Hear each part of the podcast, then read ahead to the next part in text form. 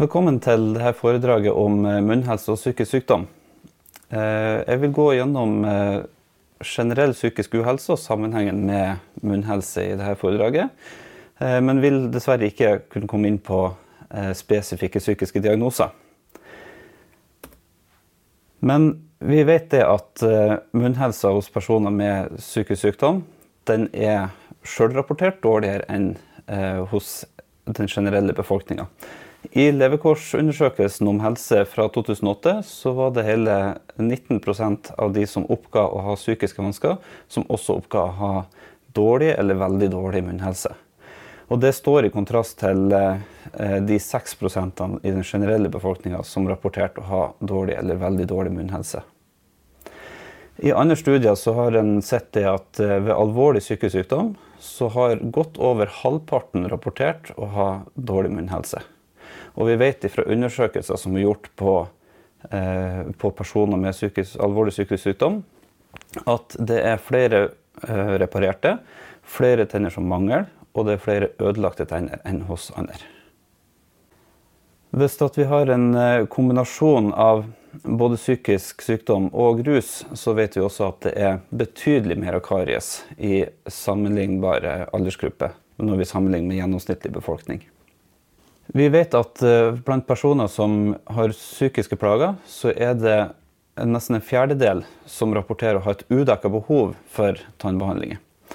Eh, og det er særlig utbrent eh, blant de personer som har psykiske vansker og i tillegg har dårligst økonomi og lavest sosioøkonomisk status.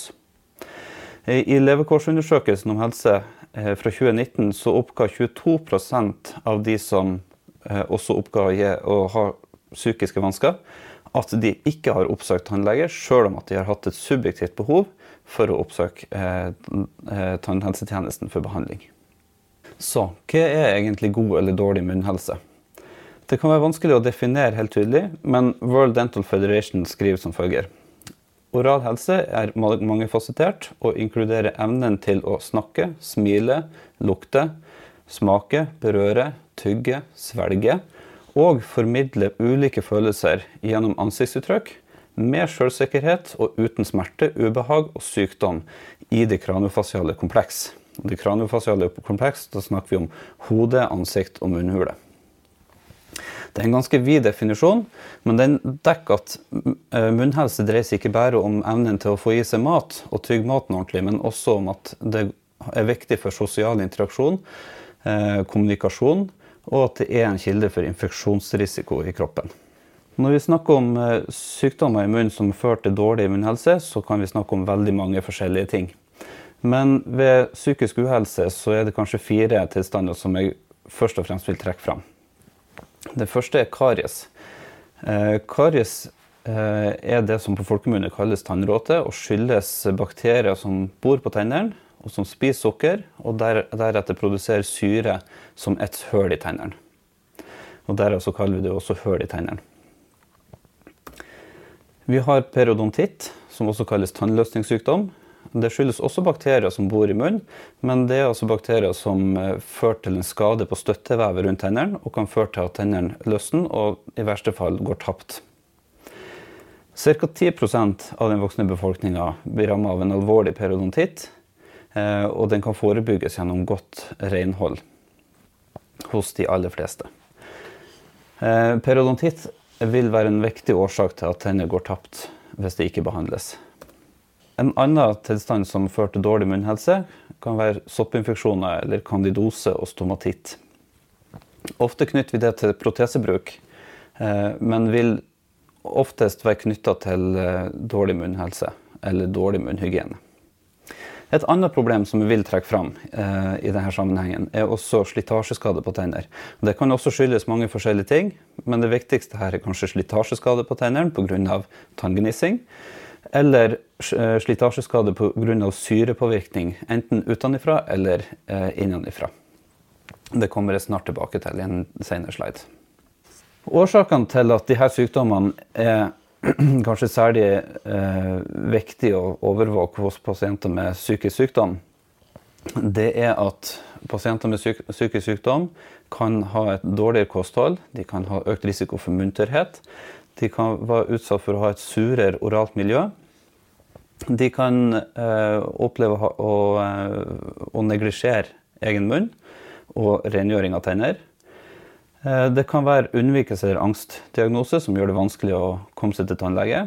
Eh, og det kan være knytta til lav sosioøkonomisk status. Jeg skal gå eh, gjennom en del bilder som viser hvordan hver av de her spiller inn på oral helse. Men først vil du kanskje si noe om det med lav sosioøkonomisk status. For som vi så på noen tidligere lysbilder, så er lav inntekt og psykisk uhelse særlig en risiko for å ha dårlig munnhelse også. Og det her er Eh, delvis fordi at lav sosioøkonomisk status er knytta til dårlig munnhelse uavhengig av psykisk sykdom. Eh, jeg vil også vise et eh, bilde av en pasient som har alvorlig psykisk sykdom, og som kom til tannhelsetjenesten først da han ble fanga opp i helsevesenet og ble gjort oppmerksom på at han har vederlagsfri tannbehandling i det offentlige. Og da kunne vi se det at eh, kostholdet har ført til mye karies. Det har vært veldig lite eh, renhold av tennene. Eh, og han har i tillegg vært munntørr, og det har ført til store skader på tennene. Kosthold det kan påvirke munnhelsa både positivt og negativt. Men det handler ikke bare om hva vi putter i oss, men også hvor ofte vi putter i oss mat og drikker. Småspising, og spesielt spising på natta, er en særlig risiko for å få hull i tennene. Eh, og det er eh, noe som kan være eh, særlig utsatt hvis at en har et forstyrra søvnmønster, f.eks. Jeg vil også trekke fram i lag med kosthold det med røyking og alkohol. Røyking er en særlig risikofaktor for periodontitt. Og kombinasjonen av røyking og overdreven alkoholbruk øker også risikoen for maligne sykdommer i munnen. Eh, det vi kan si helt generelt, er at gode kostholdsvaner det gir også god munnhelse. Eh, så det å ha regelmessig sunne måltid og vann som tørstedrikk, det er viktig for å forebygge karies og hull i tennene. Og I den forbindelsen så vil jeg også gjerne trekke fram eh, sukkerklokka, som kanskje mange har møtt på gjennom skoleløpet. Eh, som viser at det handler mye om frekvensen på hvor ofte en spiser, eh, kanskje like mye det som hva en putter i seg. Sånn at det er viktig at en har regelmessige og gode måltid, og ikke småspis og smådrikk på eh, sukkerholdig væske gjennom hele dagen. En annen viktig faktor som er avgjørende for god munnhelse, det er spyttet. Så munntørrhet er en faktor som kan spille negativt inn på munn, munnhelsa. Og eh, særlig ved psykisk sykdom så er det en risiko. For spyttet er viktig for å rengjøre munnen for, for fremmedlegemer. Det er viktig for å nøytralisere syre i munnen. Eh, og det smører slimhinnen sånn at eh, munnmotorikken skal fungere best mulig. Eh, men ved psykisk sykdom så kan munntørrhet i seg sjøl være, være, et symptom. F.eks. ved angst og depresjon. Men kanskje enda viktigere er at mange medikament som kanskje brukes ved psykisk sykdom, kan gi munterhet. Alle antikodinerge medikament, som f.eks. antipsykotika eller antidepressiva, har munterhet som bivirkning hos veldig mange. Og når det er veldig lite spytt i munnen, eh, så øker det risikoen særlig for karies, men også for periodontitt, for soppinfeksjoner, og det øker risikoen for lungebetennelser. Eh, en annen ting som er nyttig å vite om, det er at hvis en bruker mer enn tre medikament samtidig, så øker også risikoen for munntørrhet, uavhengig av bivirkningsprofilen på hvert enkelt medikament. Så for de som står på mange medisiner, så kan det være eh, viktig å følge med at ikke de også er munntørre, og at det håndteres deretter. Syrepåvirkning i munnen er en annen faktor som kan føre til dårlig munnhelse, og som en skal være ekstra oppmerksom på, eh, også ved psykisk sykdom. Syreskader kan gi ising og smerter i tennene, og er vanskelig å forebygge gjennom tannpuss. Eh, og det skyldes at det gjerne kommer enten utenfra, såkalt eksogene faktorer, som eh, sur mat, sure drikker, medisiner eller rusmidler som senker pH-en i munnen. Eller det kan komme innenfra i form av sure oppstøt eller oppkast. Og en skal være særlig oppmerksom på personer som har spiseforstyrrelser der oppkast inngår, og der det, der det er gjentatte og hyppige eh, syrepåvirkninger i munnen. Der er syreskader særlig viktig å følge med på. Og det er viktig å forebygge, for det kan være vanskelig å reparere når de først har oppstått. En annen faktor er neglekt eller håpløshet. Eh, for ved psykisk uhelse så ser vi ofte at den orale hygienen forverres. Tannpusten blir dårligere. Og ser en at en person kanskje generelt begynner å nedprioritere eh, personlig hygiene, så kan en også regne med at munnhygienen også eh, lider samme, eh, samme forløp. Eh, smerter i munnen kan gjøre tannpuss vanskelig. Hvis det oppstår smerter, så kan det være vanskelig å få pussa godt der det gjør vondt. Og det kan gjerne føre til at det blir mer problem i området, og enda flere smerter og enda vanskeligere å pusse tennene. Hvis den er munntørr, så kan det være vanskelig å holde munnen ren, fordi at den har ikke den smørende effekten, og en har vanskelig for å få bort matrester sånn i munnen som setter seg fast. Og kanskje at en har fått en dårlig tro på egne evner til å motvirke sykdom i munnen. Kanskje at en tenker at det å begynne å pusse tennene er ikke noe vits, fordi at det får det ikke til likevel. Og det er noe som en gjerne kan se eh, hos pasienter med, med psykiske lidelser, både mindre og mer alvorlige. Og så må vi ikke glemme det med tannbehandlingsangst, eller sosial angst eller generell angst. Tannbehandlingsangst kan gjøre det vanskelig å komme seg til tannlege, i likhet med sosial angst og generell angst. Så det kan være en forklaring på at en del med psykiske lidelser ikke oppsøker tannlege, sjøl om at de har behov. Konsekvenser for dårlig munnhelse og psyken og kroppen. Eh, Dette henger ganske tett i hop. Eh, jeg har lyst til å vise eh, to eksempelbilder fra to forskjellige pasienter som begge har psykiske lidelser. Men det øverste bildet så er det mye karies. Det er vanskelig å, for pasienten å vise tennene i sosiale lag, fordi det er mye skam og mye problem med estetikken. Og samtidig mye smerter i munnen, som gjør det vanskelig å pusse tennene godt, og gjør det vanskelig å, å fungere normalt i sosial sammenheng. Det nederste bildet viser kanskje mer ødelagte tenner, som går utover tyggumfunksjonen, men også, også, problemer med eh, sosialt liv og problemer med å pusse tennene, for det gjør rett og slett vondt å ha tannbørsten i munnen. Så vi skal ikke glemme det at smerte i munnen det kan påvirke både helse og psyken på, uh, på negativt vis. Og det er både akutte og kroniske smerter i munnen som kan oppstå pga. dårlig munnhelse. Vi skal heller ikke glemme sjølskading, både som eh, en årsak til smerte i munnen, men også som en konsekvens av smerte i munnen. Og det kan vi se gjerne ved, ved mer alvorlige psykiske lidelser. Ernæringsvansker kan følge eh, av det å ha dårlig munnhelse. Mange sykdommer lavt vitamin B-nivå f.eks. Det virker dårlig inn på munnhelsa, som igjen gjør det vanskeligere å spise og, og ha et godt og, og næringsrikt kosthold. Og dette kan i ytterste konsekvens også føre til underernæring.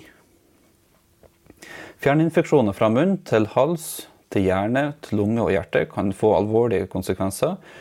Og, og det er absolutt en av de farligste, eh, farligste risikoene ved Eh, dårlig munnhelse.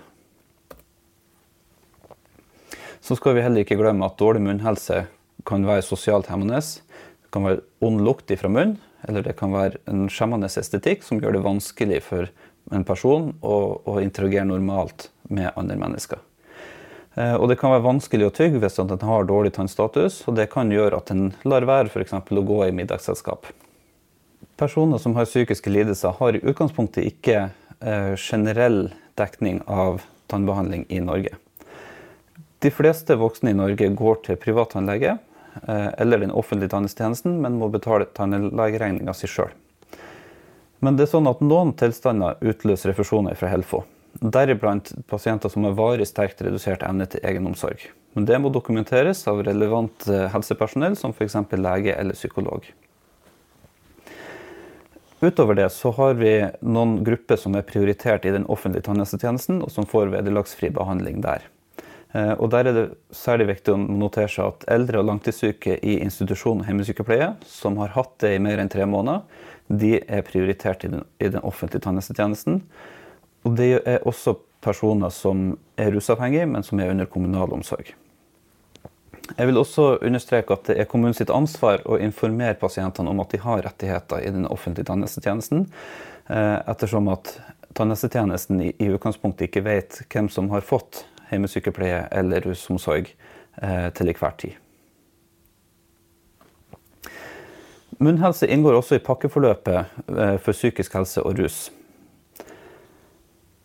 Og det gjør den i form av basisutredning og kartlegging av pasienten, der en bør stille spørsmål som har du hatt smerte, eller har du smerte eller andre problemer i munnen? Og hvor lenge er det siden ditt forrige tannlegebesøk? Eh, og hvis det er mer enn to år siden personen har vært hos tannlege eller tannpleier, så bør en også spørre hva årsaken til det er.